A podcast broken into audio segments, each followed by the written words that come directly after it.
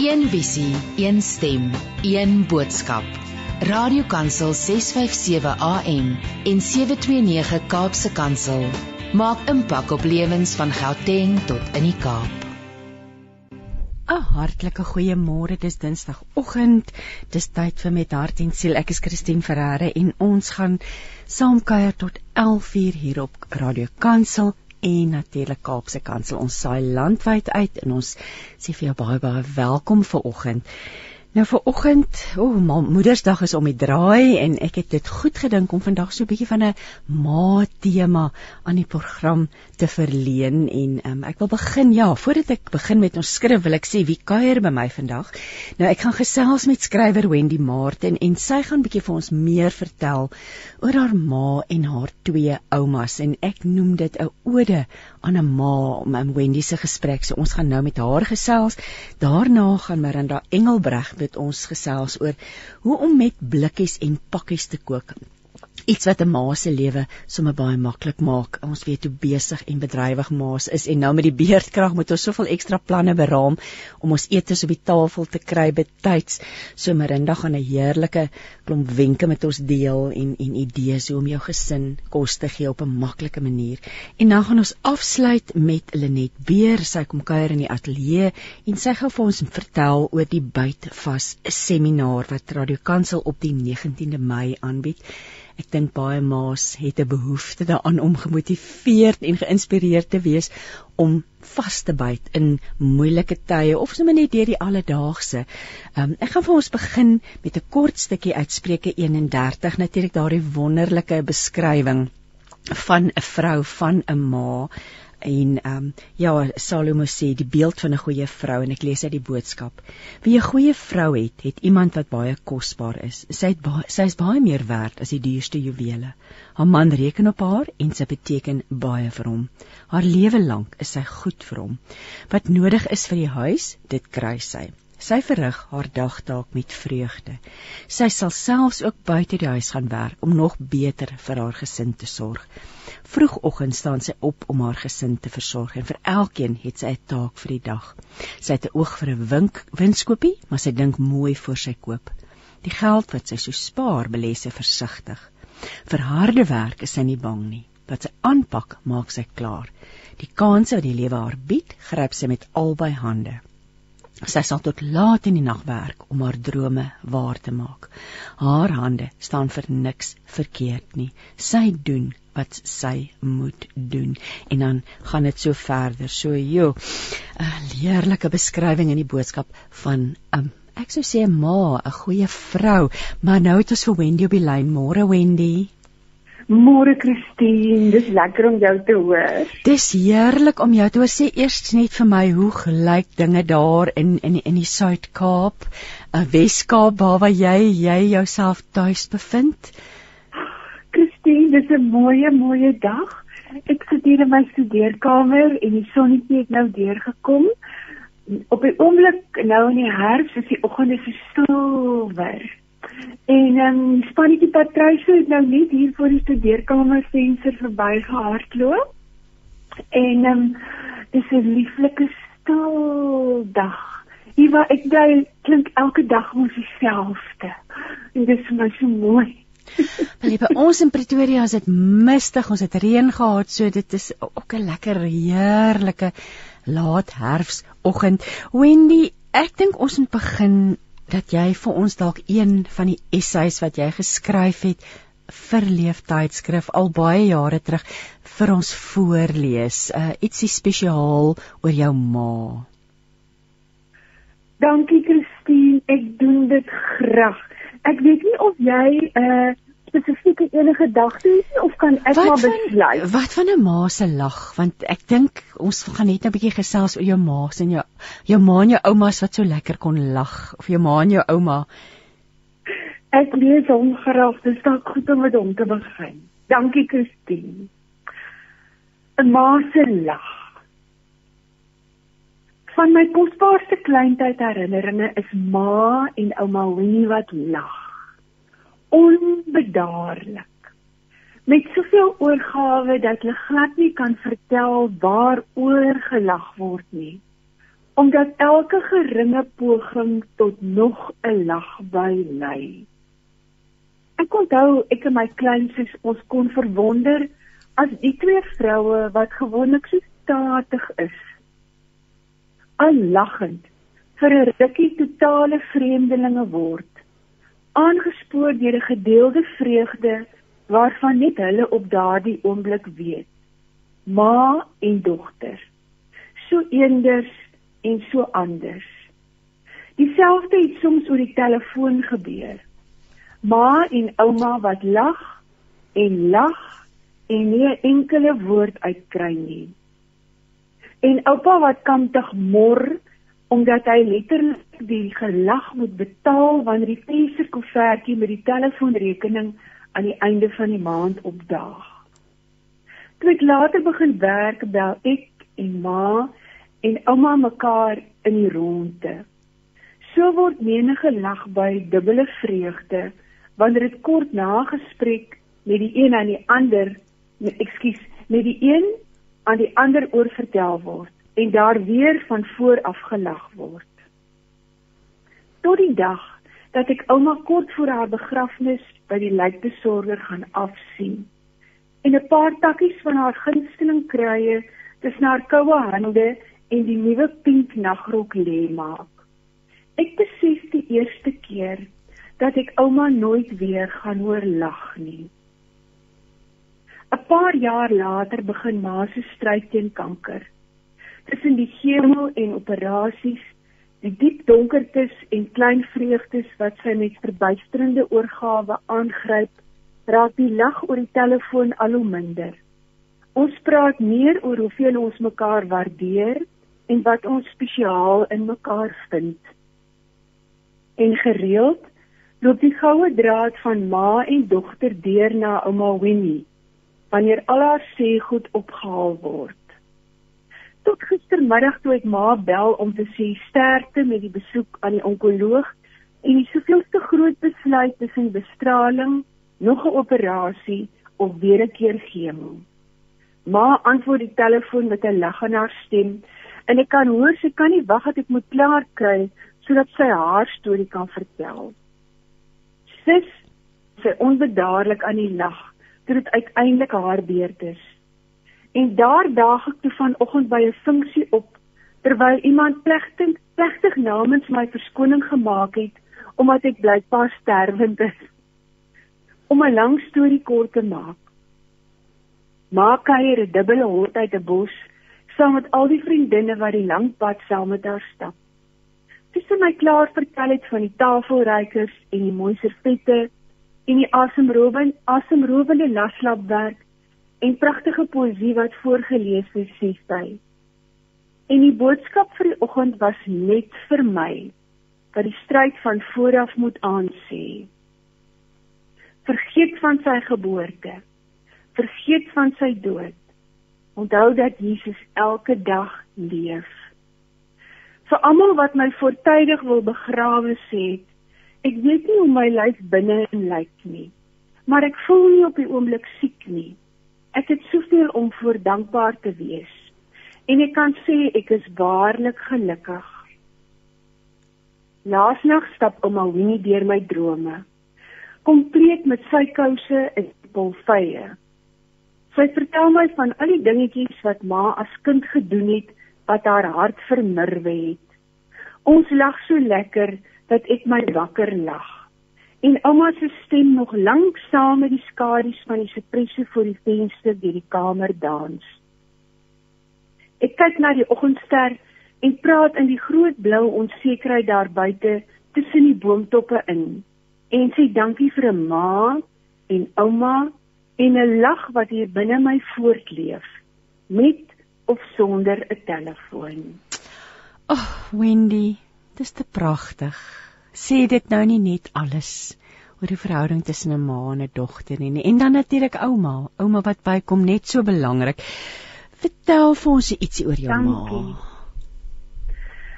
Christine Ma en um, ma se naam was Mariana, maar sy was baie gestel daarop um, met die skryf dat dit Marianna is, want sy is vernoem na 'n ouma van haar Maria Susanna. So die Anna moes twee ene gehad het. En um, dan was sy 'n nooi kruinou van Woester gewees en sy in die Tweede Wêreld tydens die Tweede Wêreldoorlog gebore in 1943 baba en sy was my oupa en my ouma se enigste kind gewees. En my ouma het altyd vertel destyds sy's op George gebore. Destyds uh, moes die um, gordyne dubbel voor die vensters gewees het. Alles moes donker gehou geword het want hulle was bang vir ligaanvalle gewees. Dit was 'n opdrag gewees. Maar sy was my oupa en my ouma se pop gewees. En um, ek was ek is gebore toe sy 21 was en my sus is net bietjie minder as 5 jaar later gebore. En ehm um, my ma was lief vir taal. Ehm um, vir vir mooi woorde, vir boeke, uh vir poësie, ehm um, vir musiek. Ehm um, sy klavier gespeel en en sy was lief vir ballet. Sy het tog hierdie droom gehad dat ek moet ballet doen en ag hierdie kind van haar hierdie kind van haar was nie lus om saam met 'n hele ander spannetjie die opdragte in die balletklas uit te voer nie sy het net een keer gegaan saam met haar ma en gaan kyk en besluit sy wil huis toe gaan tot my ma se groot droefenis. Oh. Maar um, ek is my ma baie dankverskuldig vir baie dinge, Christine. Ja. En ek het um ek het die Here deur haar leer ken. My ma het my van kleins af um bewus gemaak van die Here is daar, hy's altyd daar. Ja, dis 'n groot geskenk van haar af. Eintlik seker die grootste geskenk, nê? Nee. Ja. Wendy, vertel 'n bietjie vir my watter karakter, behalwe nou die balletdroom wat toe nie gebeur het nie. watter karaktereienskappe het jy van haar geërf as jy mens mens weet tog? Uh ek het my ma se klein hartjie gekry, Christine, um, ons ja, ons kry gou jammer en ehm um, ja, ons het maar sagte harte. Sy het 'n sagte hart gehad. En ons is vredemakers. Ons hou niks van konflik nie. Hmm. Ons sukkel om kwaad te bly. Ehm, daar's 'n sê ding in ons uh, familie gewees en van uh ons bekke is nie dik nie. Mm. Dit is nie mooi om te sê nie, man. ons weet wat jy bedoel. Ons het oorgawe. ons weet wat jy bedoel. Ehm um, en ja, ek my maat van kleins af by my ligsbesef ingedra. Ehm um, daai ding van dit wat jy doen, moet jy goed doen ja, ek dink dit kom ook van ma af. Ek is soms 'n bietjie hard op myself wat dit betref, maar ek dink dis dalk ook 'n tipiese karakters karaktereienskap van 'n oudste kind. Maar dit is nou vir interessant, nê? Nee? Ek het nou net gelees uit Spreuke. Vir harde werk is sy nie bang nie wat sy aanpak maak sy klaar. So dit is definitief een van die kenmerke van 'n goeie vrou. Ehm, um, jy weet, so Wendy, jy kan vir haar dankbaar wees daarvoor. Daai pligsbesef van dit dis dit nie almal het dit nie, nê? Maar was baie erg daaroor gewees, ja. Ag, mag ek vra wanneer is sy wat soos jy gesê het oorgestap? Wanneer is wanneer is sy oorlede? Want die kanker het toe die tol geëis, nê? Ja, sy's in 2009 gediagnoseer en sy is op Nuwejaarsdag 2012 um, soos ouma sê, het sy deur die Jordaan rivier gestap. Ai, Wendy, dit is ja. ook al 11 jaar gelede. Dit voel sekerlik vir jou soos gister, nê? Nee? Dit voel soos gister, Christine, en weet jy wat? Ehm um, ma, ma's nie weg nie. Hmm. Ek ervaar haar teenwoordigheid. Hmm. Jo, Kom ons praat 'n bietjie oor lewenslesse. Boonbehalwe die karaktereienskappe, wil ek nou vir jou vra, ja. wat is die belangrikste lewenslesse wat sy vir jou geleer het? Hom was kwaai oor 'n paar goed gewees. Oor sekere goed wat daar nie verbykom kans gewees nie. En en en sy het by ons ingedra. En een een van die goed was eerste indrukke is blywend. Dit was soos 'n wet gewees. Hmm. Eerste indrukke is blywend. En dan die volgende ding was jy word geken aan jou vriende. Ehm um, en uh hoe iets wat sy ook nie geduld het nie is as jy nie iets goeds oor iemand kan sê nie, dan bly jy stil. Ons is nie toegelaat om slegte goed oor ander mense stories te kom aandra nie. Ehm um, dit is hoegenaamd nie geduld nie. Ehm um, nou en dan uh soos ons familie maar 'n bietjie binnepret het, ehm um, is daar in sekere situasies 'n bietjie binnepret toegelaat, maar ons is nie toegelaat om huis te kom en stories aan te dra oor ander mense nie. En dan nog 'n siening van haar is uh niks sonder moeite. Ehm um, dit was amper soos 'n lese gewees het. Altyd gesê sis onthou hoe ek dit van dit sê ek amper 'n toeval gehad as ek gehuil het oor die verskillende maniere waarop jy stoof moet skoonmaak. Dis ek lag nou so lekker. en dan dit het net eenvoudig nie vir my sin gemaak nie. Hoekom moet jy so verskillende maniere skoon kan maak? Moeder. Ek so punt gewys in my huis op kinderboek en ek het daai aand verskriklik gehuil. En my ma seker maar op haar manier om probeer sin maak uit hierdie situasie op my gesê. Dis niks sonder moeite nie. Dan lag ek en jy soos ma, ma jou ma en ouma Winnie want dit weet jy, ek het seker herinneringe van daai huis as kinderklas. Pins gewys die stoof skoon maak ag en sy sê toe net niks kom sonder moeite nie. En dit geld oh. eintlik vir alles. Ek is nou geïnteresseerd. Ek weet jy waar nog 'n lewensles is wat jy wat nou sterk na vore kom wat jy wil deel nie. Maar ek is geïnteresseerd in haar kreatiwiteit. Jy sê sy was lief vir woorde, sy was lief vir mooi goed. So dit was ook iets wat jy by haar gesien het en oorgeerf het weet jy Christine, ehm um, sy was altyd dit moet ek haar toegee, sy was altyd eerste ma. En dit bewonder ek haar. Hmm. Ehm um, altyd eerste ma en dan sy het ek was in standaard 4 toe sy begin werk. Uh, van toe af het sy gewerk. Ehm um, sy is geskuif van my pa en sy het 'n uh, inkomste verdien om my en my sus uh ja, om geld in te bring. En ehm um, ek moet sê dit was dit was haar prioriteite gewees en deur alles het sy altyd sy gehekel, sy het gebrei. Um, ons het altyd handgebreide truie gehad. Uh, maar dit kom ook van ouma af en truie met patrone en mooi knopies en fair oils en hmm.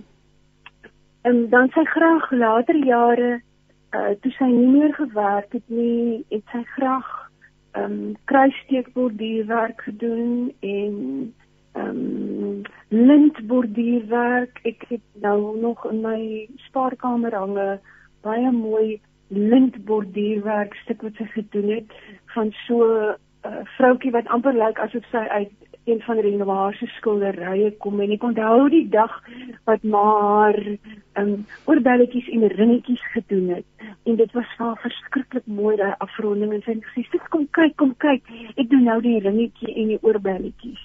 Mm. Um, ja en blomme. Um, as kind het sy nou bewus gemaak van die tekstuur van blomblare, die geure ehm um, hoe lyk 'n bytjie se vlekkies. Sy het my fyn leer kyk en ons uittogte biblioteek toe was altyd 'n gebeurtenis.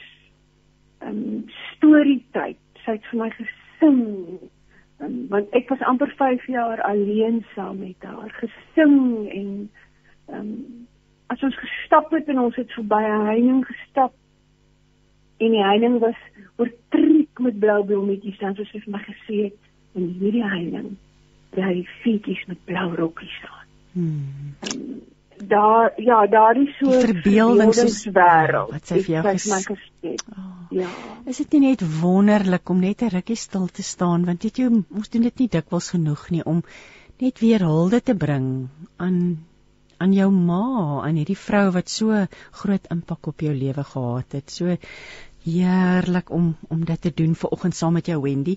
Ons gaan nou luister na musiek en dan gaan ons verder gesels. Um ek gaan vir jou 'n bietjie vra oor wat onthou jy die meeste van haar.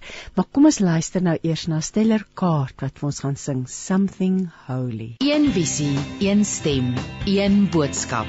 Radiokansel 657 AM en 729 Kaapse Kansel maak impak op lewens van Gauteng tot in die Kaap. En dit was natuurlik Stellar Kaart wat vir ons something holy gesing het. Jy luister dan met hart en siel. Dis 9:34. Ek is Christine Ferreira en ek gesels met skrywer Wendy Martins.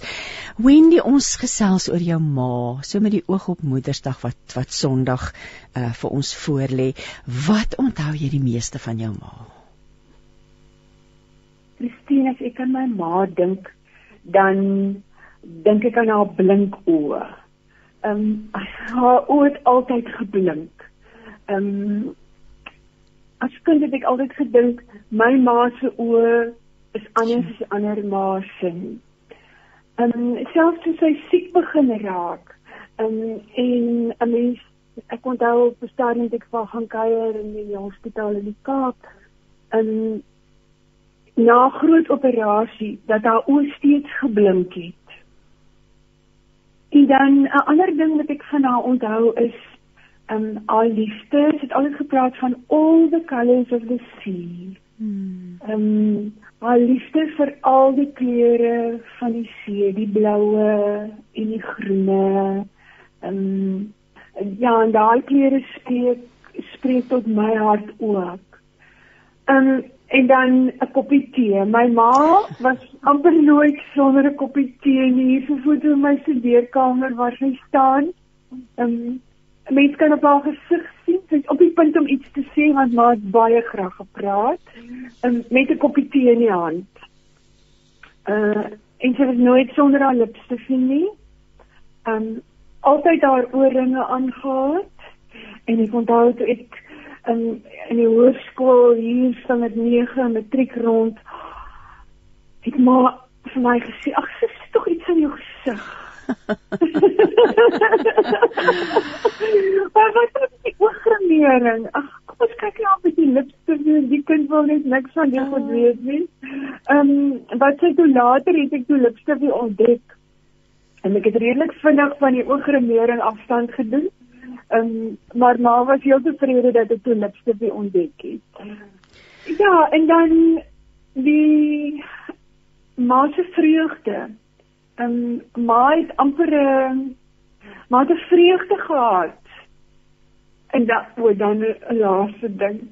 Um, en iets wat ma gedoen het wat ek as kind my altyd aan verwonder het, ma het nooit lelik gepraat nie. Ag, mooi. Maar as sy haar kop gestamp het, dan sy een sêding gehad wat nou regtig uit 'n cowboy fliek is.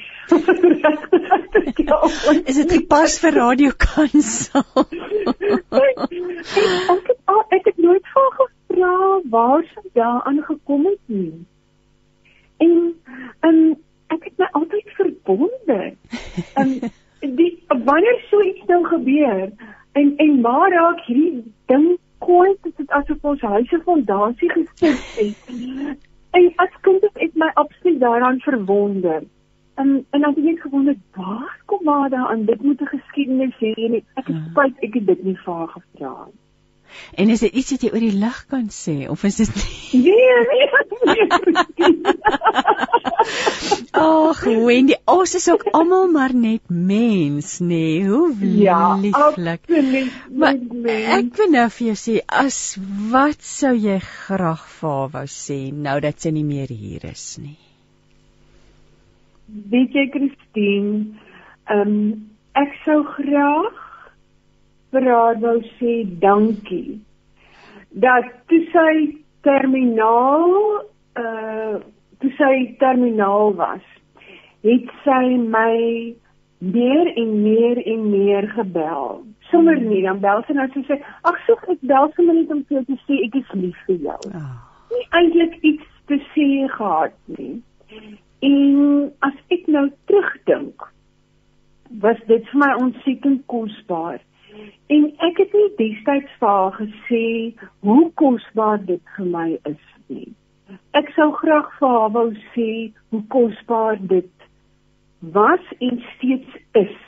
Want dit is asof sy al die kere wat sy nog in die toekoms vir my wou sê sy's lief vir my toegedeponeer het.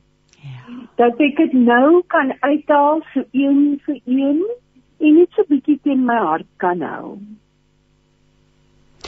Jo, daar is dan iets daarin in dis te leer nê nee, of iets daaruit te leer om vir mekaar te sê jy is lief vir mekaar. Ja. En nie te wag tot dit te laat is nie nê. Nee. Ja. Ja, en en ek sou vir ook ehm um, wil vra Christine ehm um, ek het die van eergister al wat ek daaraan dink 'n vriendin behartig 'n uh, oggendboodskap oggendboodskappe op 'n groep en sy het genoem dat in die boodskap het sy genoem dat ons geliefdes saam met die serafs voor die troon is. Hmm. En toe ek nou nadink oor ma, toe dink ek ek sou vir ma wil vra. Ja. Sy tussen die serafs? sien sy die serafs? Ehm um, Ja, so dis ook in my gedagtes. Ek sou graag vir ma wil vra, dit wil vra. Kom ons gesels oor jou oumas, want dit klink vir my jy twee interessante oumas gehad. Vertel vir ons 'n bietjie meer oor hulle. Ja, Christine, oumas wat verskil het tussen noord en suid, op oos en wes, sê mens. Ehm, um, maar ja, hulle het 'n groot invloed op my gehad en ek was verskriklik lief vir albei van hulle.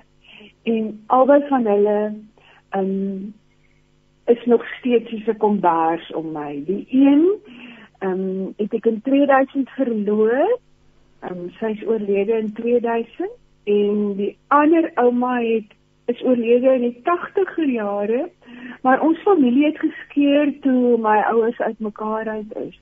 En dit het daardie ouma verloor wel sy nog geleef het. Ja. Ehm um, maar die intense betrokkenheid van haar by my en my lewe in die tyd wat ek haar gehad het was genoeg om vir my tot nou toe padkos te gee.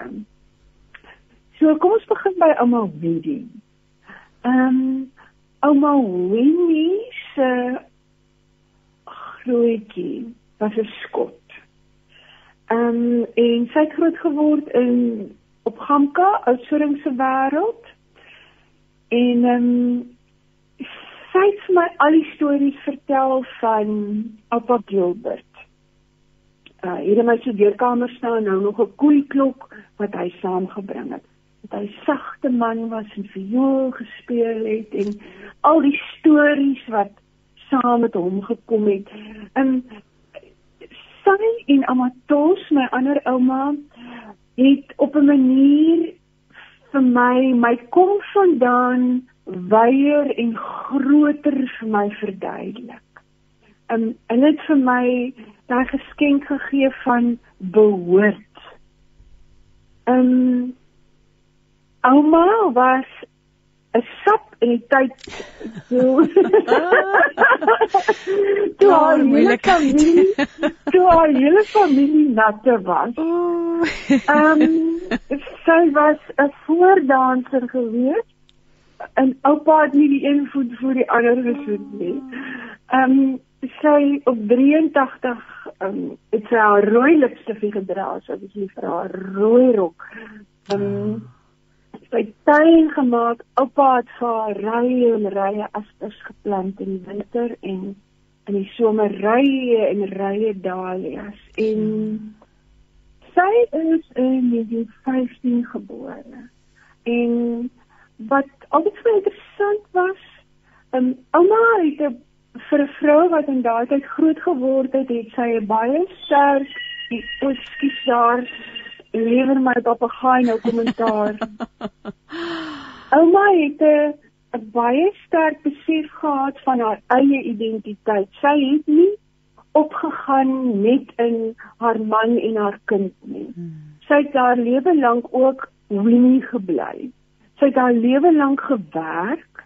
Um, sy het uit huis uit het sy gaan werk by die verkiesingskantore van Oudtshoorn af in Bloemfontein en is eers getroud baie laat in haar 20's wat ook uitsonderlik was vir daardie tyd. Ehm um, my dit is altyd vir my mooi.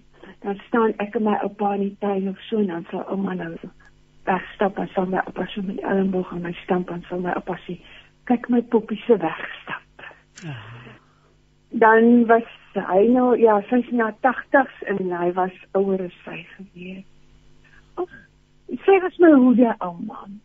En sy het in die in die spaarkamer wat sy groot kus gehad wat oupa vir haar met geblonde materiaal laat oortrek het. En dan was al haar kerkhoede gebeere. Glad nie niks geleef nie want oupa was in sy jong dae travelling salesman gewees, ekskuus vir die Engelse woord. En later het hy administratiewe werk by Browelsklop Hospitaal gedoen. So 'n um, eenvoudige bestaan met uh, nie 'n fikbeer sien nie, maar ehm um, daar was een of twee dinge wat belangrik was, die tuin en um, plesier gevind in soos ouma se hoede en oupa het altyd materiaal gaan uitsoek by Stex. Dan het hy byvoorbeeld 'n lappie materiaal gaan uitsoek en dan het hy vir hom by die snyer 'n pak laat maak. En hy sê by die huis kom met 'n lappie materiaal vir my ouma. Hy het dit uitgesoek. Nie altyd nie, maar hy het daar gaan hou om 'n mooi lappie materiaal uit te soek. Soos ouma gesê het, Hy het 'n oog gehad vir 'n mooi stuk materiaal en dan kon ouma vir haar 'n rok laat maak. Hoorie maar hierdie prentjies wat jy teken, soos jy nou vir ons vertel, ek kom dit kom so mooi in 'n mens se geestesoog op, nê? Nee, en ek dink ons het almal van hierdie soortgelyke ouderdom met soortgelyke herinneringe aan daardie mense, nê? Nee. Die lappie materiaal, die, die oh, te pragtig. Ag Wendy, te pragtig. En dan ouma Winnie, uh dis ouma Winnie en dan ouma Tos. My ouma Tos um was heeltemal die teenoorgestelde. Um ek was mal oor my Tos in die opsig sy was um baie onkonvensioneel vir daai tyd. Glad nie lief vir haar skoene nie. As ek aan haar dink, dink ek aan haar as kaalvoet. Um uh lief vir die veld, uh vis gevang en um my oupa het altyd vertel um, sy het motorfiets gery en um alles gedoen wat 'n meisie van daai jare nie mag nie mag gedoen het. Sy het gerook. Oh. Um en as as ons by haar gekuier het, mag ons net lekkers geëet en dan my ma 2, 3 dae gesukkel om ons gestel skoon te kry. Wen ek weet of jy vra wat het jy by hulle geleer oor die lewe? My ouma Winnie het 'n kalmte gehad en sy sy was geanker. Um 'n stil kalmte en op 'n manier geanker wat my laat voel het alles is oukei. Okay. Ehm um, hulle huis was ook vir my baie lank 'n hawe gewees. Ons het op tyd by hulle gebly. En hulle tuin was my skuilplek gewees. Um, ek was nooit erg oor poppy speel nie, maar my oupa se voelhoeke um het my dieselfde gevoel gegee as wat my ouma se die huis, daai anker veilig. Um jy weet waar jy hoort. En dan wat ek nooit sou vergeet nie is um ouma het gekniel as sy bid. Die tot die laaste wat ek nog kan onthou, op haar knieë voor die bed, hande gevou en die voorkop op die hande. Oh. En ouma het ook vir my vertel, ouma en ma, um, van ouma Nonnie op Gamka. Ek het ouma nooit geken vir ouma Nonnie nie. Sy het 'n lang siekte gehad en ouma het altyd vir my gesê onthou ouma Nonnie het voor uit vir jou gebid. Oh. Ek dink ek het dit al vir jou ja, vertel. Ja. ja.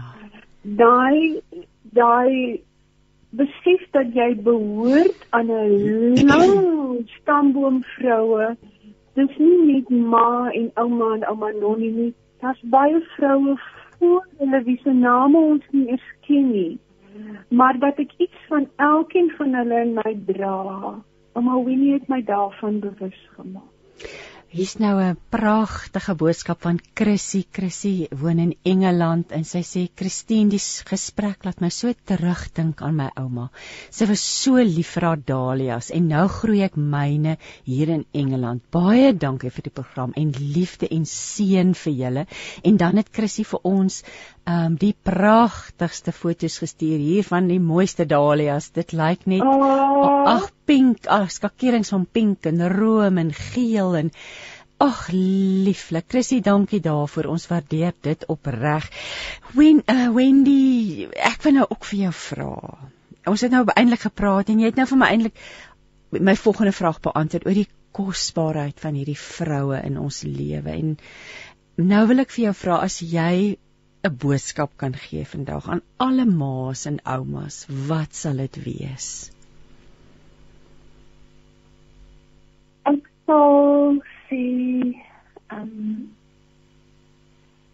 kyk soveel as wat jy kan kry in jou kind se oë en sien in klein kind se oë. Wat hulle aan die skouer.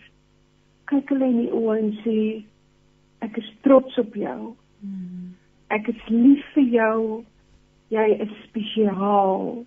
Nie net wanneer hulle presteer nie, maar juis wanneer hulle in ja op op 'n laagtepunt is wanneer hulle nie vir die span gekies word nie, wanneer hulle 1 uit 20 vir 'n toets kry.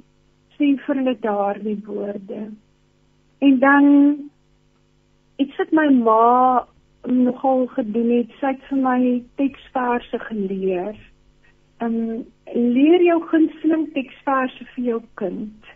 Um vertel vir hulle hoekom dit vir jou kosbaar is en hoe jy dit beleef. Uh, jy weet nie waar dit in hulle binneste val nie. Dit groei en nou dat ek ouer is, um kom daai verse op in die om om vreemde omstandighede en dan onthou ek dis dit maar vir my sê dit word deel van 'n mens se mondering. Ag pragtig ek dink ons moet afsluit met nog 'n essay Wendy maar ek gaan dit nou aan jou oorlaat om eene te kies. Goed. Ehm um, dankie Christine. Ek dink ek gaan lees uh, ma se dientjie Dis kort voor nuwe jaar. Ek en ma sit by die kombuistafel en aardappels skil. Soos dikwels dwaal die gesprek na my vrolike ouma wat 'n entjie verder bo die see by Groot Brakrivier begrawe is. Met eens is ma se grysgroen oë wat sommige dae net die einste see lyk vol trane. Sy sit die mes neer en kyk na my. Ek het nie geweet ouma sou daardie nag oorstap nie sis sê sy. As ek dit geweet het, het ek nooit huis toe gekom nie. Het ek daar by haar gebly. Sy tel die vader kon haar skoot op, besef dat sy iets daarmee wil doen nie en sit dit weer met 'n magtelose gebaar neer. As troos vertel ek haar weer van die volgende oggend toe ek oupa gaan wakker maak het om vir hom te sê ouma is oorlede. Terwyl ek styf teen hom gesit en nog die moed probeer bymekaar skraap het, spring hy my voor. Sy was hier, het hy met 'n vredige hartseer gesê. Iemand het haar aan die hand gehad. Ek kon nie mooi sien wie nie. Sy kom sê sy gaan nou. Ek sou haar steeds in die hospitaal wil afsien, hou maar vol. Maar soos altyd het sy verkies om dinge op haar eie manier te doen. Kan jy glo dat iemand self dan op jou eie dientjie wil dans? Ek kyk na nou ma wat gereeld presies dit met net soveel oorgawe doen. Weet ma sê ek en vee selfvertroon weg. Dis presies wat ek eendag van jou sal onthou. Wat sal jy van my onthou, sis? Skoor sy met 'n swempie van 'n glimlag. Die ding van dans op jou eie dientjie verduidelik ek heel onnodig. Dat 'n mens se dag nooit sonder helder lipstifte en oorbelle ingaan nie. Dat sjokolade veroorloof is wanneer jy op dieet is, mits dit goed genoeg weggesteek word. En dat jy van jou dogter se mag leen as joune op is. dat 'n mens mag huil oor 'n mooi handsak. Weier om huisbak te ry, baie skoene te dra en uit 'n Bybelstudiegroep mag dros. Dat dit aanvaarbaar is om enige tyd, enige plek met oorgawe te lag, maar ook met 'n onbreekbare geloof te bid. Dat 'n mens jou hart seer stadig maar seker met die uitbundigste bondklere kan weghekel in so 'n mate dat jou kinders en kleinkinders steeds na jare onder dieselfde lappies komberse teen ander soorte steerkry kan skuil. Is 'n mens se plig om elke dag met 'n lied in die hart te begin. Al is die dingetjie sommige dae maar baie dun. Ek kyk na ma wie se stem en mond en klein toentjies en 'n hartjie ek geërf het. Selfs die kuiltjie op die bole pas ons lag. Ek kyk na haar hande wat meer en meer na ouma Winnie se lyk. Veral die wysvingers wat krommel eie koers begin inslaan. Ek kyk na my eie hande wat meer en meer soos ma se lyk. En ek weet ek wil in haar en ouma en al die vroue voor hulle se voetspore dans elke dag. Al is die dingetjie party dae ook hoe dun en is opgedra aan al die vroue voor my. Dankie Christine. Jy, jy laat my nou 'n traan hier wegpink. Wendy, absoluut pragtig. So dankie vir jou jou bydrae vir oggend en jy het ons siele kom kom sus, jy het ons kom verryk met jou pragtige vertellings en herinneringe en ek waardeer dit opreg. Ag, so so dankie daarvoor en ek wil sommer net so noem toevallig in die herfsuitgawe van Leef is daar nog 'n rubriek of eintlik die agterblad wat Wendy nou skryf en dit gaan ook oor haar ma. So as jy verder wil lees, gaan kyk gerus, jy kan elke uitgawe van Leef kan jy na Wendy se skryfstukke kyk en dit geniet. Wendy seën vir jou Ag, dit is so lekker gewees om met jou te gesels en mag jou dag verder net van die allermooiste wees. Christine, baie dankie vir die uitnodiging om saam te kuier.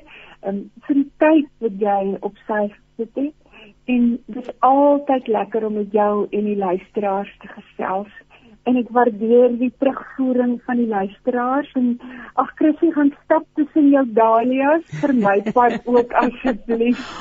Baie liefde hier uit Kleinbon. Ag dankie Wendy en alles wat mooi is. Kom ons luister na Zaan wat gaan sing Vergifnis lei na vrede.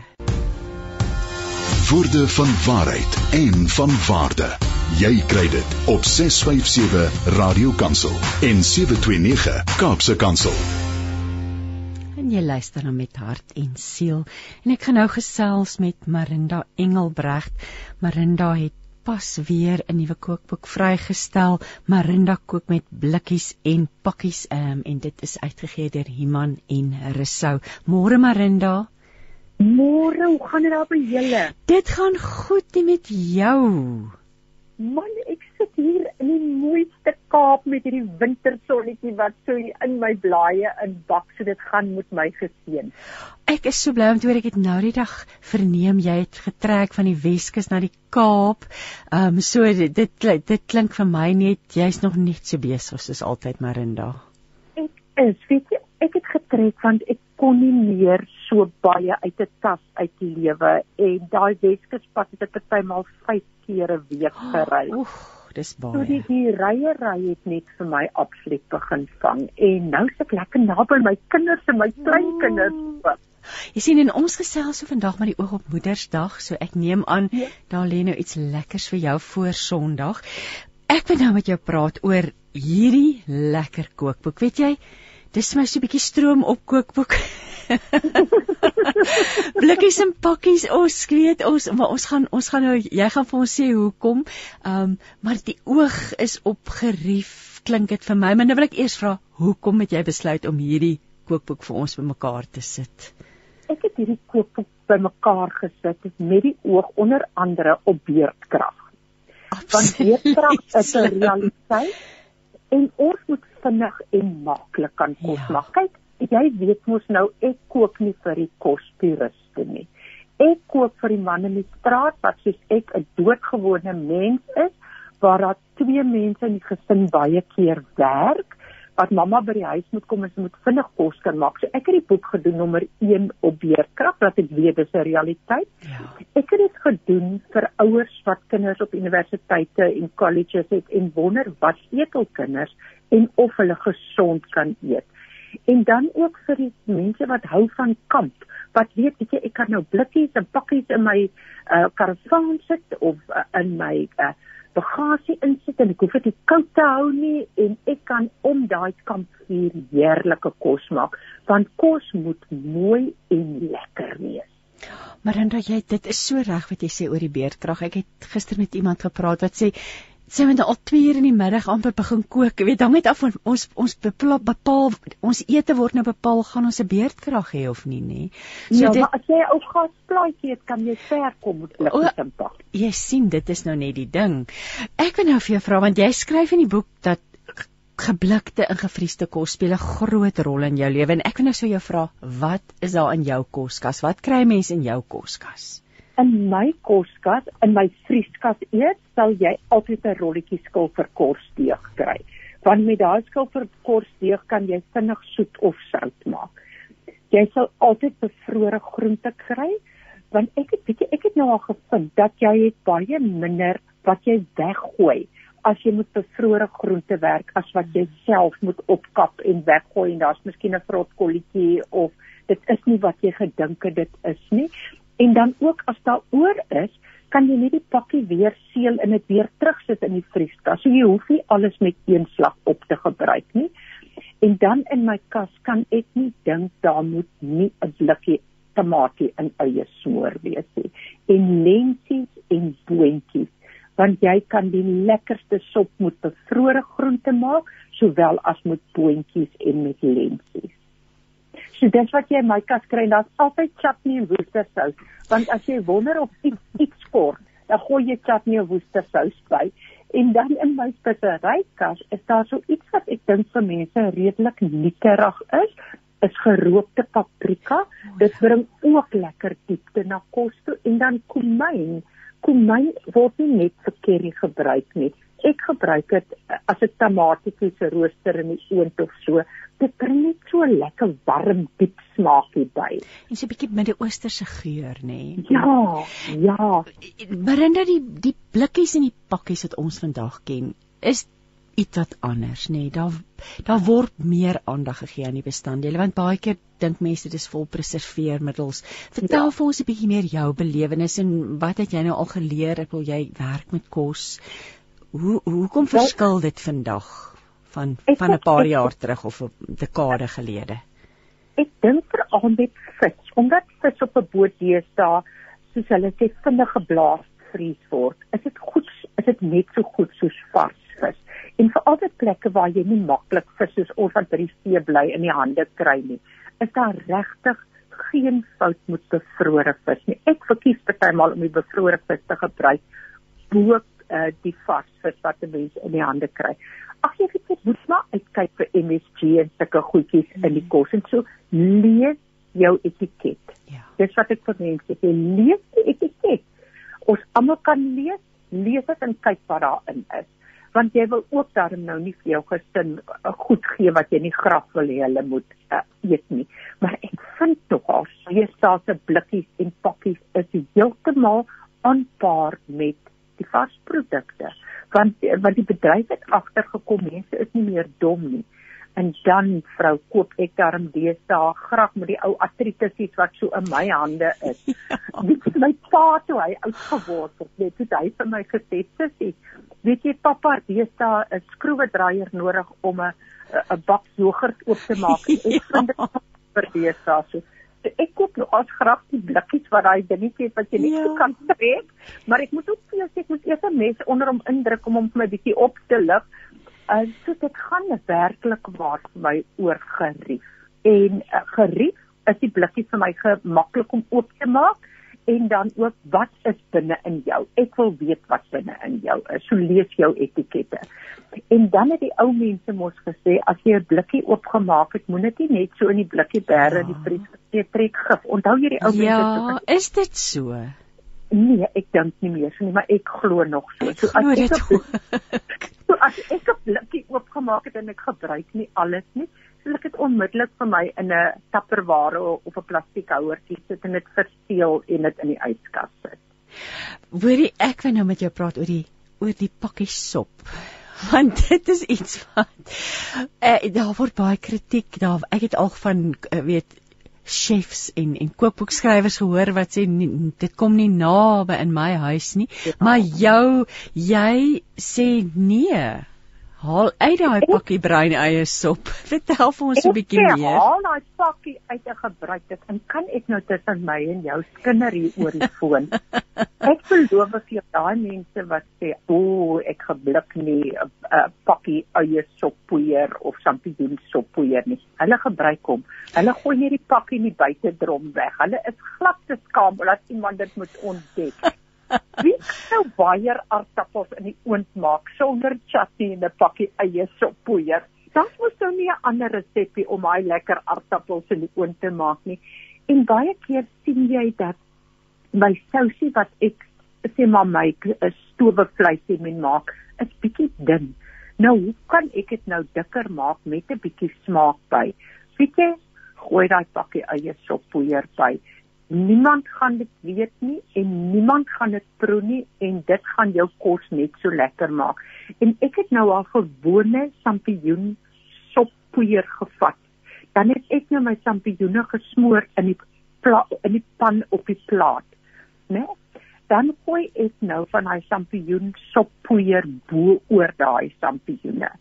En ek gooi 'n houertjie room daarbey. Mm. Dis dit smaak of jy dae aan 'n aftreksel gekook het om daai sampioen sop te maak. Ja, heerlik. So op daai gas klein gasbotteltjie met jou plaatjie as jy nou nie 'n gasstoof het nie, kan jy nou die wonderlikste. So en dan gooi jy kan jy natuurlik 'n bietjie hoender daarby sit seker en dan is dit 'n heerlike gereg.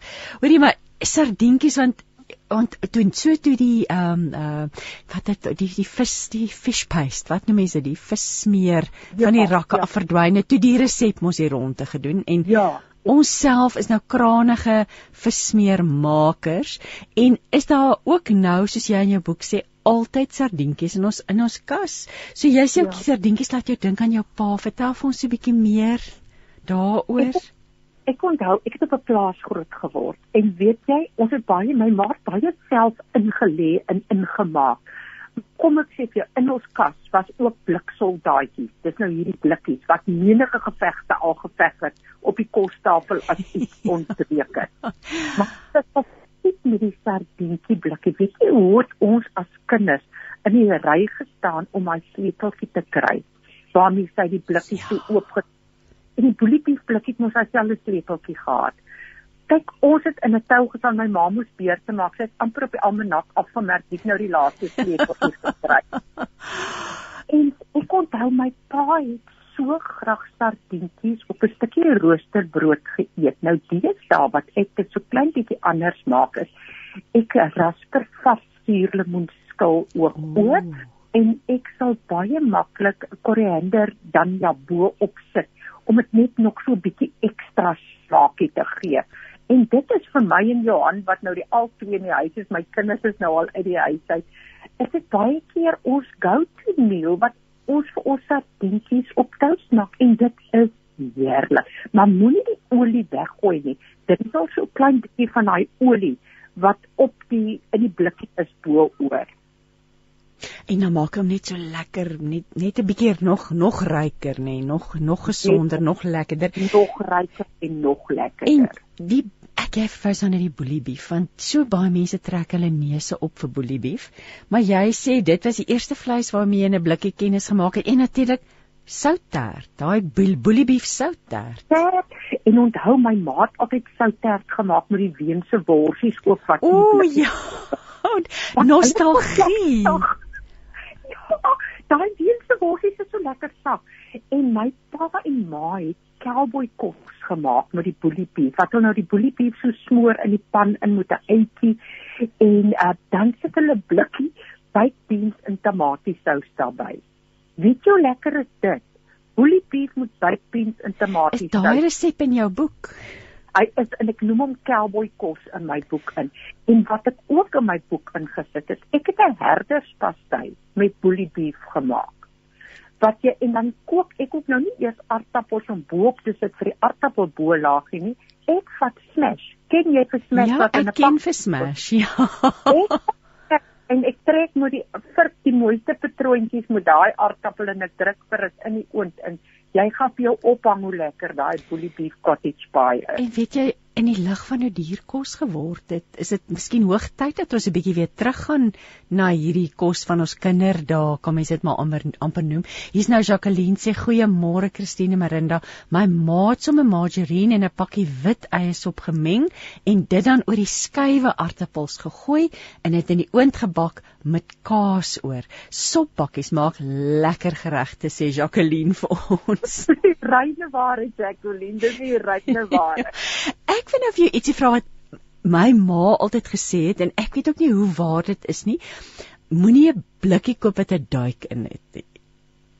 Weet jy ek ek koop nog as blikkies moet duik in en ek lewe nog om nie Maar my ma het ook en moenie blikkies koop met duike in nie, maar ek het nog niks oorgekom van 'n blikkie met 'n duik in nie. Ek dink sy goed geseël is en daar kom nie enige iets binne in die blikkie nie.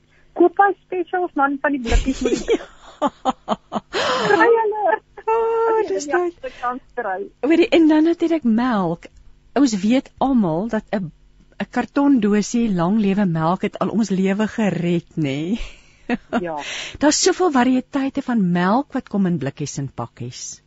En room ook. Ek het altyd in my kas, daar kom daardie lang lewe op die long life room kry jy deesdae en ek het altyd een van dit in my kas in want as ek my sjokolade ganache sterk maak en ek wil room opsit, dan sit jy die room op.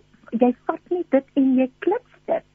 En dan wie kan nou sonder ideal melk lewe? Hæ? Blikkie lekker soet ideal melk of 'n blikkie kondensmelk. In my boek is daar 'n swart woudtryfel.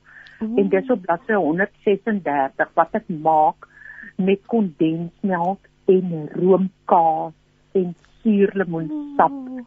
en rolkoek wat jy klaar koop by jou bakkery afdeling. Jy gaan vir jou ophang aan daai trifle. Ag natuurlik en dan grondboontjie botter. Kykie botter. Ai, kykie botter en stroop en al hierdie dinge. Ehm um, en natuurlik wat jy ook nou vir ons by sê is dat kaas jou yskas is nooit sonder kaas nie sê jy in die boek, maar in die maar jy vries ook die kaas. 'n Raspberry om dan klaar en en bære hom of bære hom so heel? Ek vind as vir alle harde kaas, as jy hom vries, is hy geneig om te krummel. So ek rasper my kaas en ek vries dit in 'n uh, sakkies wat lekker seël en dit lê plat in my vrieskas in. En dan haal ek net uit soos ons nodig het. En ek spreek ook nie om kaas te meng nie. Ek sal maklik um, 'n mozzarella en 'n cheddar en 'n gouda kaasie rasper en dit meng en dit is verskriklik lekker as jy moet winkeldeeg wat jy koop en jy maak vir jou pizza basis en jy sit dit in die oond met 'n blikkie tamaties smoor op die basis en dan jou kaas en dan wat jy ook al wil bo-op sit en jy druk dit in die oond in. Dit is baie baie lekker. Marinda, jy het nou so een of twee resepte genoem, maar is daar resepte wat vir jou uitstaan in die boek wat gunstelinge is van julle van gesin en familie wat jy dalk met ons net so net wil ons ek ek sien nou hier's die sardientjies op die roosterbrood. Um en dit lyk hier soos 'n gourmet gereg. Ek wil weet 'n Franse broodjie en ek sien hierso die die die korianderblare en die en die suurlemoenskil. Is daar ander resepte wat jy so vinnig wil noem wat in hierdie boek verskyn? Vir my is die vir my sal ek sê is die hoofdogter van al die resepte in hierdie boek. Die gerookte salm kaaskoek. Dis op bladsy 132. Nee, dit ek net onmiddellik soontoe blaai het. Ek kan kyk. Ek sien nou voel nou jammer vir die luisteraars wat nou nie saam kan kyk nie, maar 130 sê jy. 132. Dis in korsing kom 'n bietjie parmesan kaas ook. Vrou, daai kaaskoek is die hoofdokter in hierdie hele boek. Dit is die lekkerste kaaskoek in kaaskoekland wat jy kan wens. Want jy kan dit vir 'n voorgereg maak vir gaste en jy kan dit as 'n sout op jou op jou tafel as jy lekker tee en koffie het vir gaste het, jy kan dit daar uh, ook op sit. Dit is regtig 'n baie baie baie lekker kaaskoek. En hierdie is nou 'n blikkie Nee, jy dit is dit is ja, gerookte salm wat jy insit en dan die gerookte salm roomkaas, die die kraakbeskuitjies. Dit is eintlik 'n spoggereg nê nee, die hoofdogter van alle noem jy hulle. Ja. Marinda ja. ek het gesien die bladsy 12 gesien die eier in die sakkie in.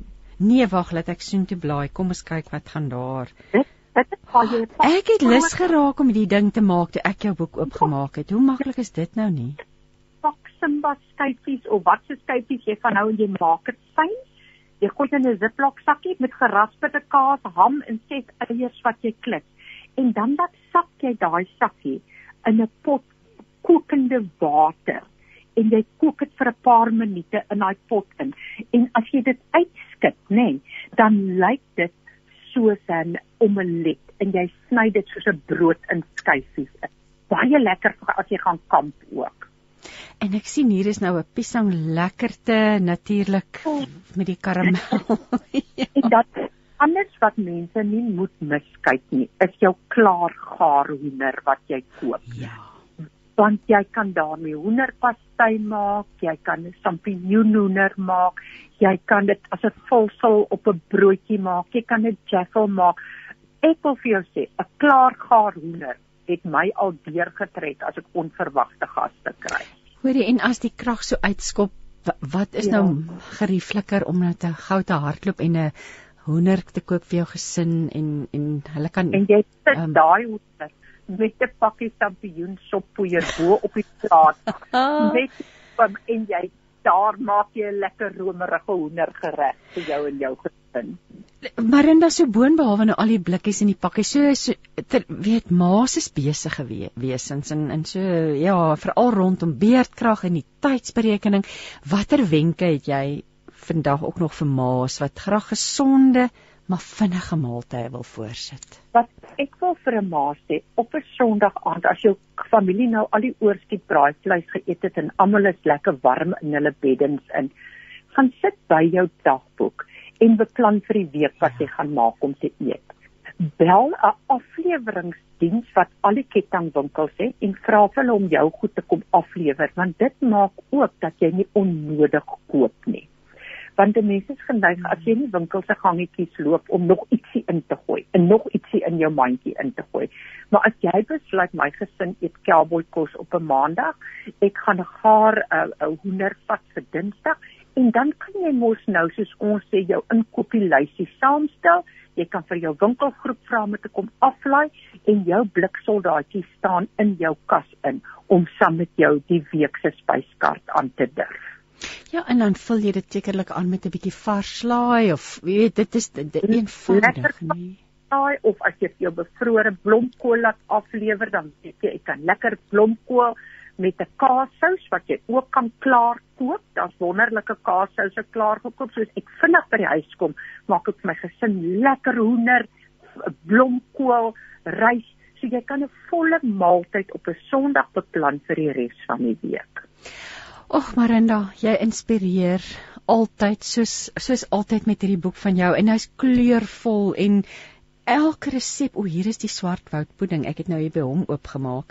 Um elke o dis pragtig. Hier selfs roomysballe. Ek ag hier's ongelooflik. Hier's die boeliebeef pastei. Ek wil dit lyk like, weer eens soos 'n gourmet gereg. Daar skuil 'n bietjie groente sien ek daar in. is en jy ken daai hamme wat in daai opaalvormige blikkie kom, nê? Nee? Ja, ja. En daai boeke resep wat jy 'n gammon met daai ham maak met pineappelskywe wat uit 'n blikkie uitkom en cherries. So die boek vir my is om lekker en mooi kos te maak moet dit wat in jou kas in is. Ag, Marinda, jy soos ek weer gesê van tevore gesê het jy inspireer. Ek wil nou vir jou vra, ons tydjie is nou is amper klaar, maar ek wil vra wat is jou boodskap aan ma's en oumas vir Moedersdag eerskomende Sondag? Ek wil vir ma's sê, vir die wêreld daar buitekant is jy maar net nog 'n ma. Maar ek wil vir jou sê, dit kan jy vir die wêreld wees, maar vir jou kinders en jou kleinkinders is jy die wêreld. Oh. En dan onthou net die lewe kom nie met 'n handleiding nie. Die lewe kom met 'n ma. En dan moet jy jou kinders sê die lewe daar buite is nie hulle ma nie. So jy moet sterk kinders grootmaak om buite te kan gaan. En dan weet jy as ek geweet het dit is so lekker om 'n ouma te wees het ek my kleinkinders eers te gehad. en oupa is daarso. Ouma het nodig, want die kleinkinders gaan homself mos nou nie bederf nie. Iemand moet dit doen en 'n ouma mag maar bederf. En elke ma en elke ouma daar buitekant wil ek sê jy's belangrik. En jy is God se gare wat families bymekaar hou. Ag, Marinda te pragtig. Baie baie dankie daarvoor en dankie vir jou tyd vir oggend. Dit is heerlik om met jou te gesels. Ek gaan net die titel van die kookboek herhaal want ek weet mense gaan wil weer dit hoor. Die boek se naam is Marinda kook met blikkies en pakkies. Die skrywer is Marinda Engelbregt met wie ek nou net gesels het. Die uitgewer is Iman in Resou en hy is op die rak in alle uh vooraanstaande boekwinkels of uitgesoekte boekwinkels soos ons staan noem en natuurlik ook op die NB webwerf. Marinda, mag jy 'n geseënde Moedersdag hê, mag jy ook bederf word en ja, joh, dit dit ek gaan jy kook of gaan die kinders kook?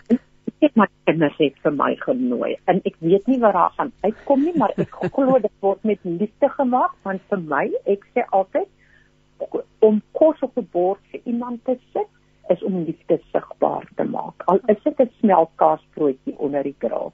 Ag, fantasties.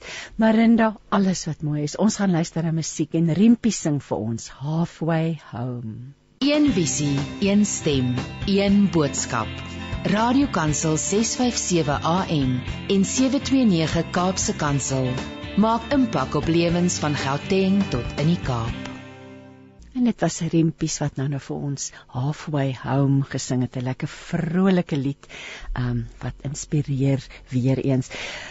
Ek gaan nou gesels met Lenet Beer oor die Radio Kansel se bytvas seminaar. Nou, as jy voel asof jou emmer te vol is en jy's moeg en gespanne en angstig, dan is hierdie seminaar net vir jou bedoel. Sprekers Lenet Beer van Seeds of Inspiration en Dr. Gustaf Gous kom leer ons hoe om vas te byt in moeilike tye. Moet dit nie misloop nie.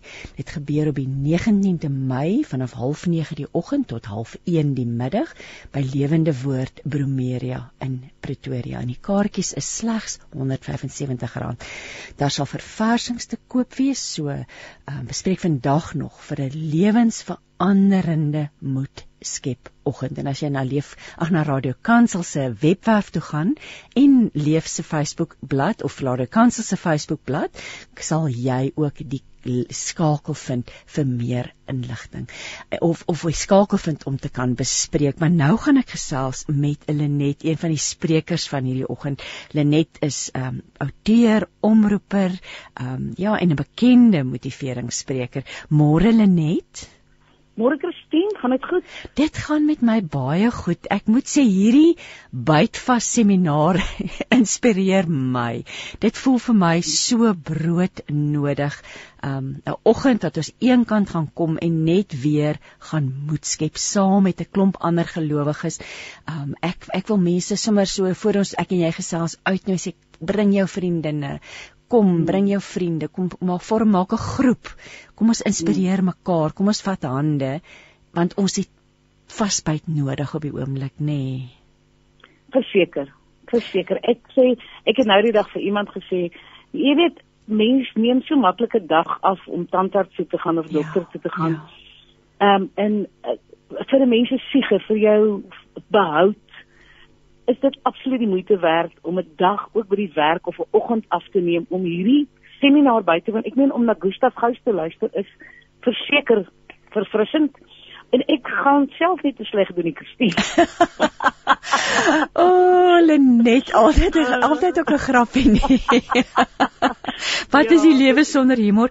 Maar weet jy dit gaan nie goed met mense nie. Laat ons nou maar eerlik wees. Ehm um, mense sukkel ek hoor al hoe meer en meer dat hulle nou begin praat oor die psigologiese impak van die beerdkrag. Ons senuwese is klaar. Um ja. jy weet hoe hoe jy jy het met baie mense te doen in van heinde en verre reg oor die land. Hoe hoe beleef jy dit? Wat is die tydsgees onder ons onder ons mense?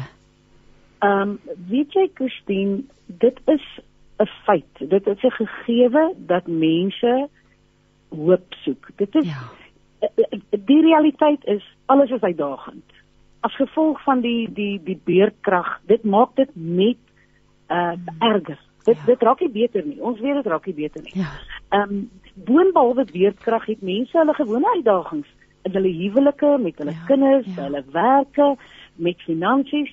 En hoe oorleef 'n mens al hierdie aanslae en terugslae? En wat ek optel by mense is dat hulle ken die Here. Hulle weet dat God soewerein is en ja. dat ons met hoop moet leef en dat ons geloof moet hê, maar die groot ding is hulle weet nie hoe nie. Hulle weet nie om dit ja. prakties te doen nie. Ja. En ek dink wat hierdie uh seminaar besonder gaan maak is dat beide ek en Gustaf oor die vermoë beskik wat die Here vir ons gegee het. Ons is so dankbaar vir dit waar ons mense kan help om prakties dinge te doen om te oorleef. Weet jy, ek het nou die dag iemand hoor sê hy kry al die basiese goedjies in plek om spanning in sy lewe te verminder. Daar's altyd 'n gloeilamp, ekstra gloeilampie. Jy weet, sulke tipe daar's altyd 'n gefriesde brood in die yskas. Dinge wat eintlik jou dag heeltemal kan omdop. Dat mens dit half onder beheer kry want daar kom onverwagse dinge en ja. daar kom moeilikheid en weet ons ons ons ons verwag dit nie een nie. Wat sou jy sê beïnvloed die manier wat 'n mens vasbyt? Jy het nou gepraat van ons geloof wat 'n groot rol speel, maar wat hmm. nog? Wat wat beïnvloed jou reaksie as moeilikheid aan die deur klop? Jy weet, Christine, ek ek moet vir een ding sê. As 'n mens nie weet hoe jy bedraad is nie. Ja is dit baie moeilik om ehm um, uitdagings te hanteer. Ehm um, daar is nie 'n resep dat ek kan sê hierdie is A B C D en jy hanteer dit so nie. Want elke mens is anders bedraad, kom vanuit 'n ander agtergrond, nê, nee, opvoeding. Ja. ja. Uh het ander waardesisteme. So vir my is dit krities belangrik dat mense moet weet hoe hulle bedraad is. Mense moet weet dat met die sondeval het die sondeval sekere kwaliteite wat ons gehad het wat God vir ons gegee het wat ons uniek maak, het die sondeval uit balans gegooi.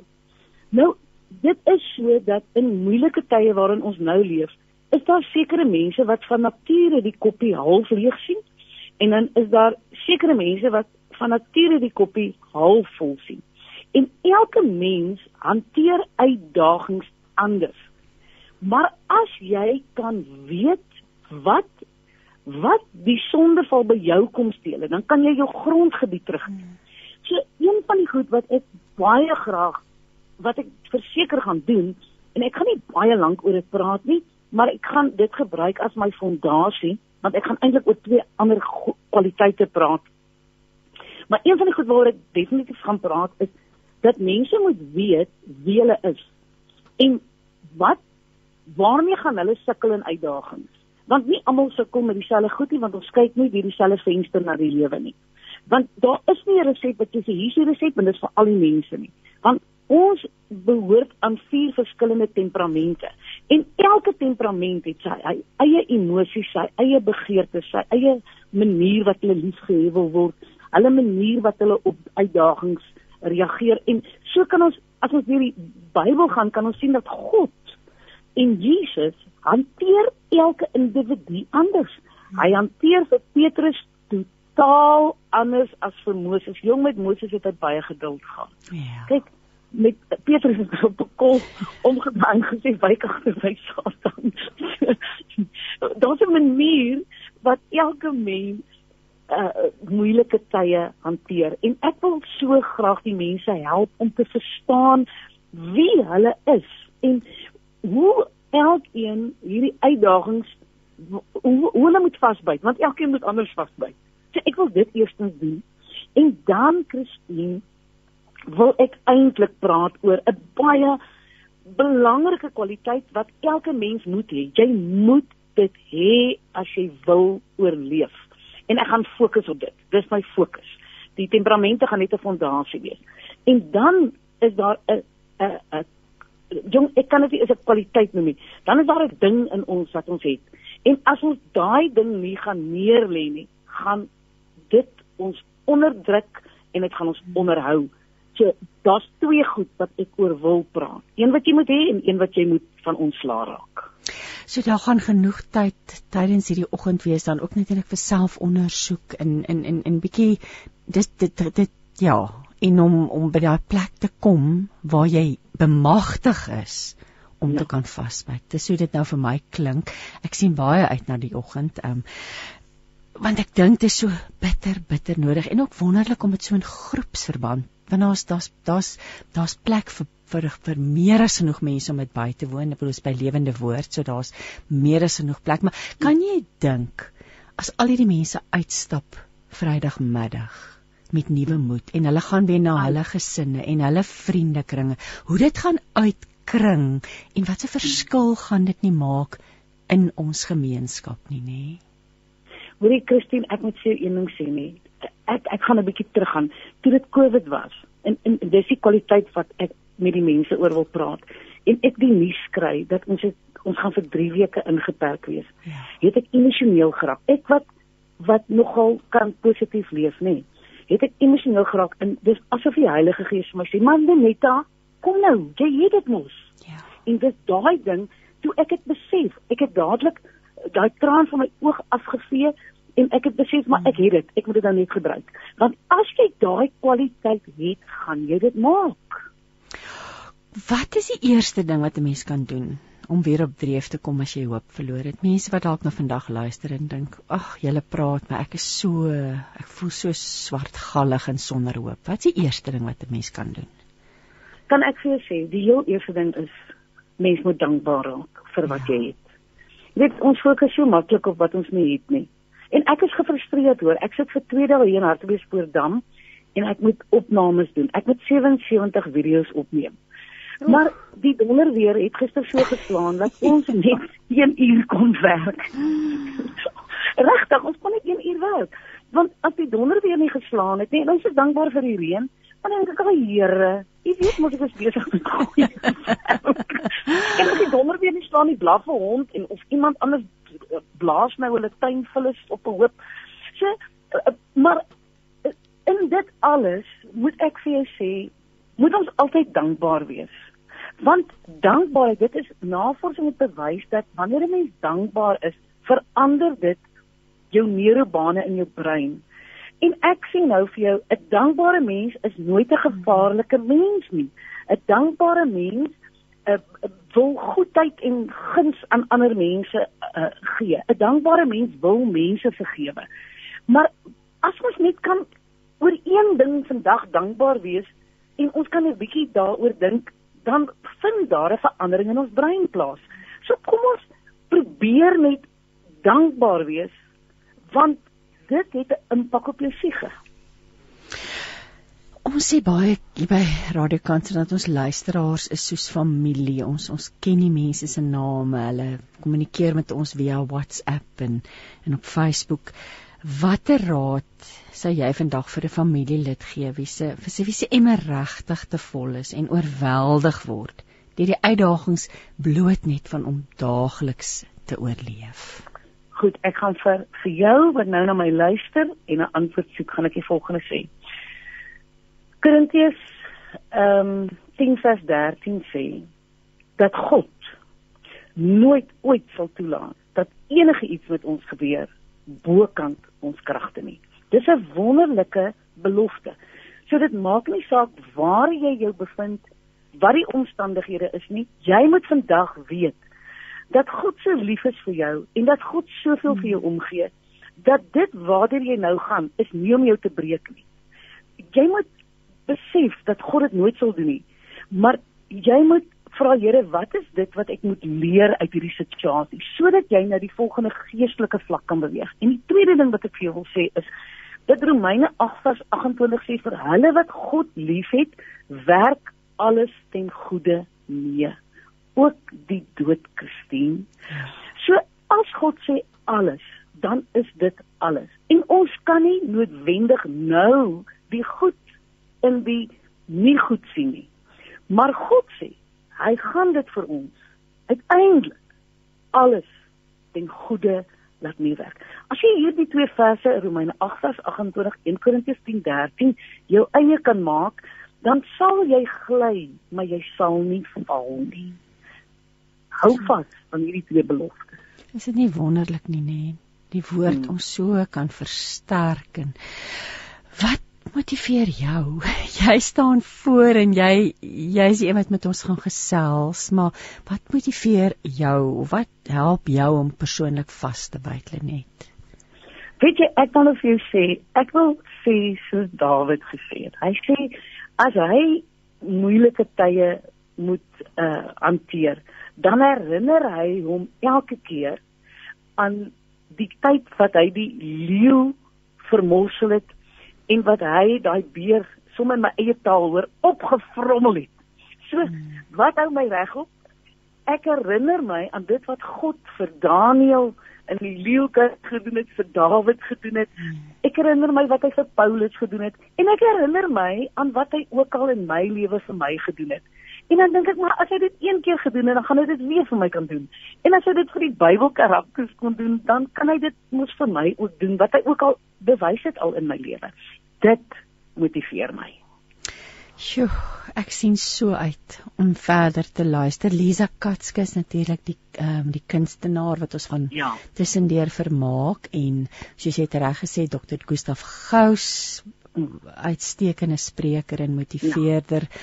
gaan met ons gesels. So jo, Lenet, opwindend, opwindend en wat 'n ja.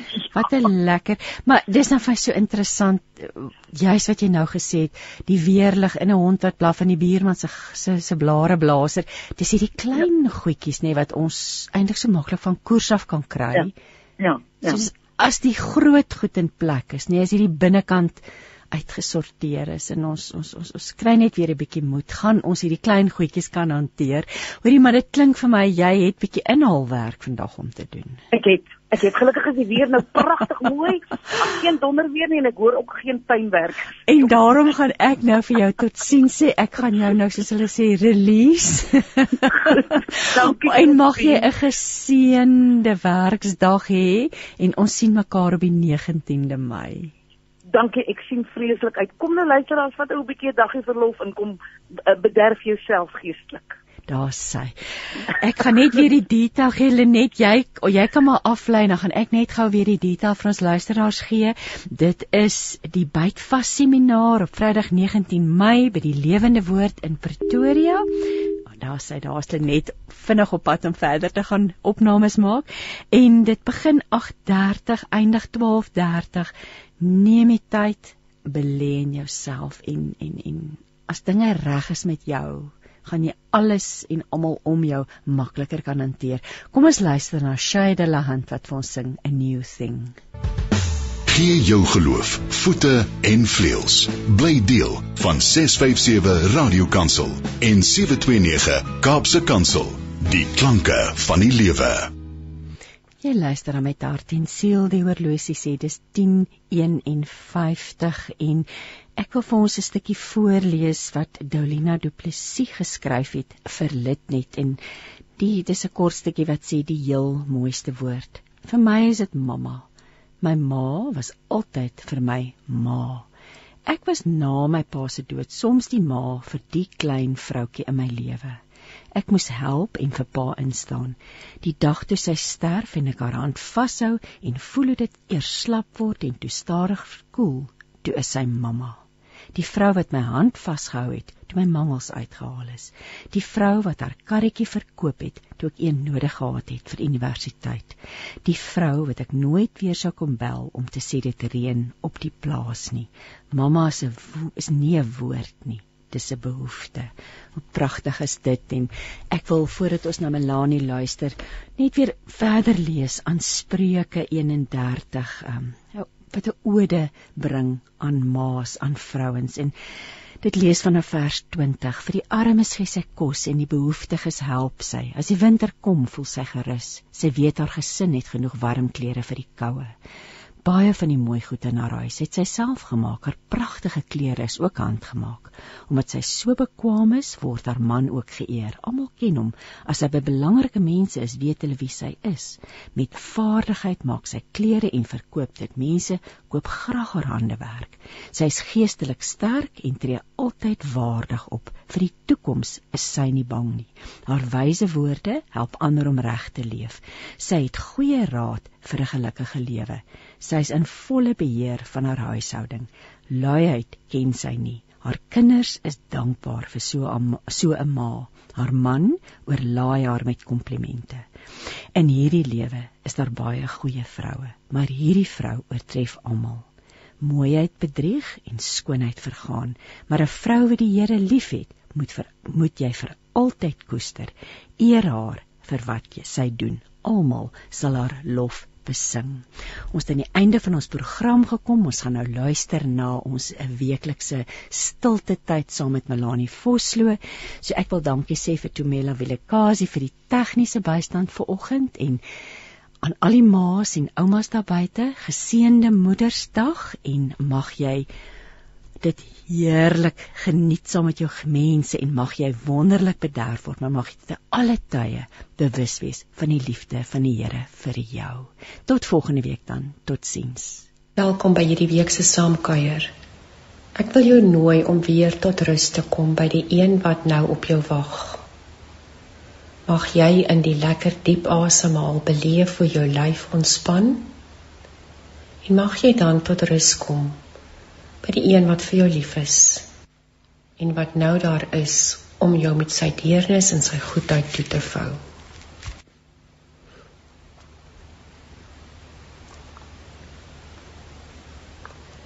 Tydens die vorige eeu verloor 'n klein seentjie albei sy ouers.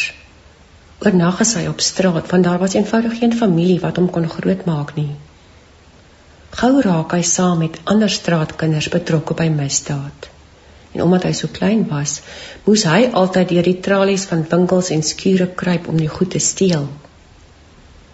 Op 'n dag was hy alleen in die strate en hy was vreeslik honger. Dis toe wat hy so ongemerk moontlik verby 'n vrugtestalletjie loop en 'n paar vrugte in sy sak steek. Toe hy wil omdraai, gryp 'n hand hom stewig vas. Hy voel al hoe die polisie hom met 'n sweep slaan. Maar toe hy omkyk, sien hy die liefdevolle oë van die vrou wat hom aan sy arm beet het. Sy vra: "Wat is jou naam?" Waarop hy antwoord: "My naam is is Justice." Justice Tungu. Sy vra: "Is jy honger?" Hy kon maar net in sy oorstelp wees, sy kop knik. Sy neem hom toe aan sy arm na 'n winkel toe en laat staan hom voor 'n rak voor kos en sê: kry nou soveel van hierdie kos as wat jy wil hê. Justice vertel jare later dat dit die eerste keer was wat hy skaam gekry het. Maar dit was ook die keerpunt in sy lewe. Die vrou was skoolhoof in die dorp en sy en haar man het daarna vir Justice ingeneem en as hulle eie kind grootgemaak. Later word hierdie hongerseentjie wat 'n tweede kans by 'n vrou gekry het, die eerste swart Suid-Afrikaner wat Afrikaans oor die radio praat. Word hy selfs burgemeester en later 'n vredemaker in Suid-Afrika. Een hongerseentjie wat steel. 'n Vrou wat kies om hom nie te vervolg nie, maar om te help. 'n Keerpunt wat van hom 'n mens maak, wat 'n verskil kon maak. Ons ken almal die woorde van Paulus in Romeine 12 vers 20. As jou vyand honger is, gee hom iets om te eet. As hy dors is, gee hom iets om te drink. Want deur dit te doen, maak jy hom vuurrooi van skaamte. Kan jy aan voorbeelde in jou lewe dink waar iemand jou vergewe het toe jy dit die minste verwag het, toe jy dit nie verdien het nie?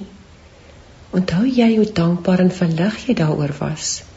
Hoe dit jou dalk gehelp het om anders te kyk na mense, vergifnis en die lewe?